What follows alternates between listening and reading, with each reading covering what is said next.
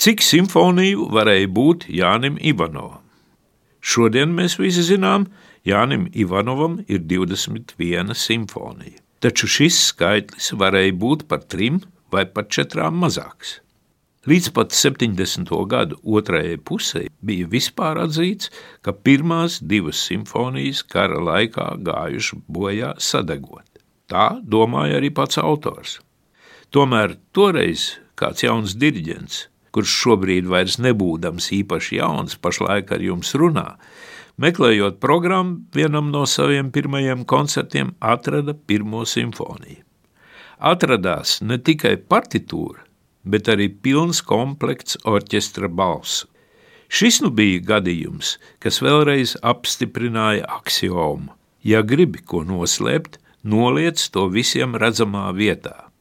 Simfonija atradās ne vairāk, ne mazāk kā Nacionālajā toreiz valsts bibliotekā. Pie tam ar visu kartīti kartotēkā. Nezināmu un nesaprotamu iemeslu dēļ neviens nebija iedomājis tajā ieskatīties. Vēl vienas, otrās simfonijas atrašana gan mazliet līdzinājās nelielam detektīvu stāstam. Tā patiešām bija sadegusi. Tomēr mani uzmanīgi darīja fakts, ka viņa bija veltīta tās pirmatskaņotājam, varētu pat teikt leģendārajam Arvīdam Pārupam, kurš bija stāvējis pie Latvijas rādio un radio simfoniskā orķestra šūpuļa, un kuram pateicoties, mēs vēl joprojām priecājamies par dzintaru slēgto koncertzāli. Neskatoties uz to, ka autoram acīm redzot bijušas domstarpības ar diriģentu, un viņš bija pārliecināts, ka pārups partitūru izmetis, bija grūti noticēt, ka mūziķis, kam veltīta simfonija, nebūtu to saglabājis.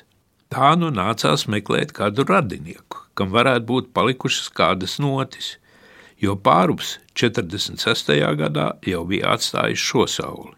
Tāds arī atradās Arvīda pārupa dēla personā, kam nebija sakara ar mūziku, un kurš nebija veicis revīziju tēva atstātajās notīs. Tomēr kastē mājas pagrabā tās saglabājis, un patiešām Ivanovs otrā simfonija atradās. Mazliet citāds ir stāsts par 15. simfoniju. Tās pirmatskaņojums bija uzticēts diriģentam, kurš bija ļoti impulsīvs un kuru emocijas nereti pastiprināja arī alkohols. Mūziķim, kas dievināja māleru, Ivanova mūzika varēja būt negluži piemērota, pat grūti gramojama. Un tā, kādā emociju izvirduma reizē simfonijas partitūra ielidoja Rīgas kanālā. Tur arī acīm redzot nogrima. Tomēr, pateicoties tam, ka orķestra balsis jau bija izrakstītas, bija iespējams partitūru atjaunot. Pirmatskaņojums notika gan cita diriģenta vadībā. Pretējā situācija ir ar pēdējo simfoniju, kuru Jānis Ivanovs bija iesācis un atstājis skicēs.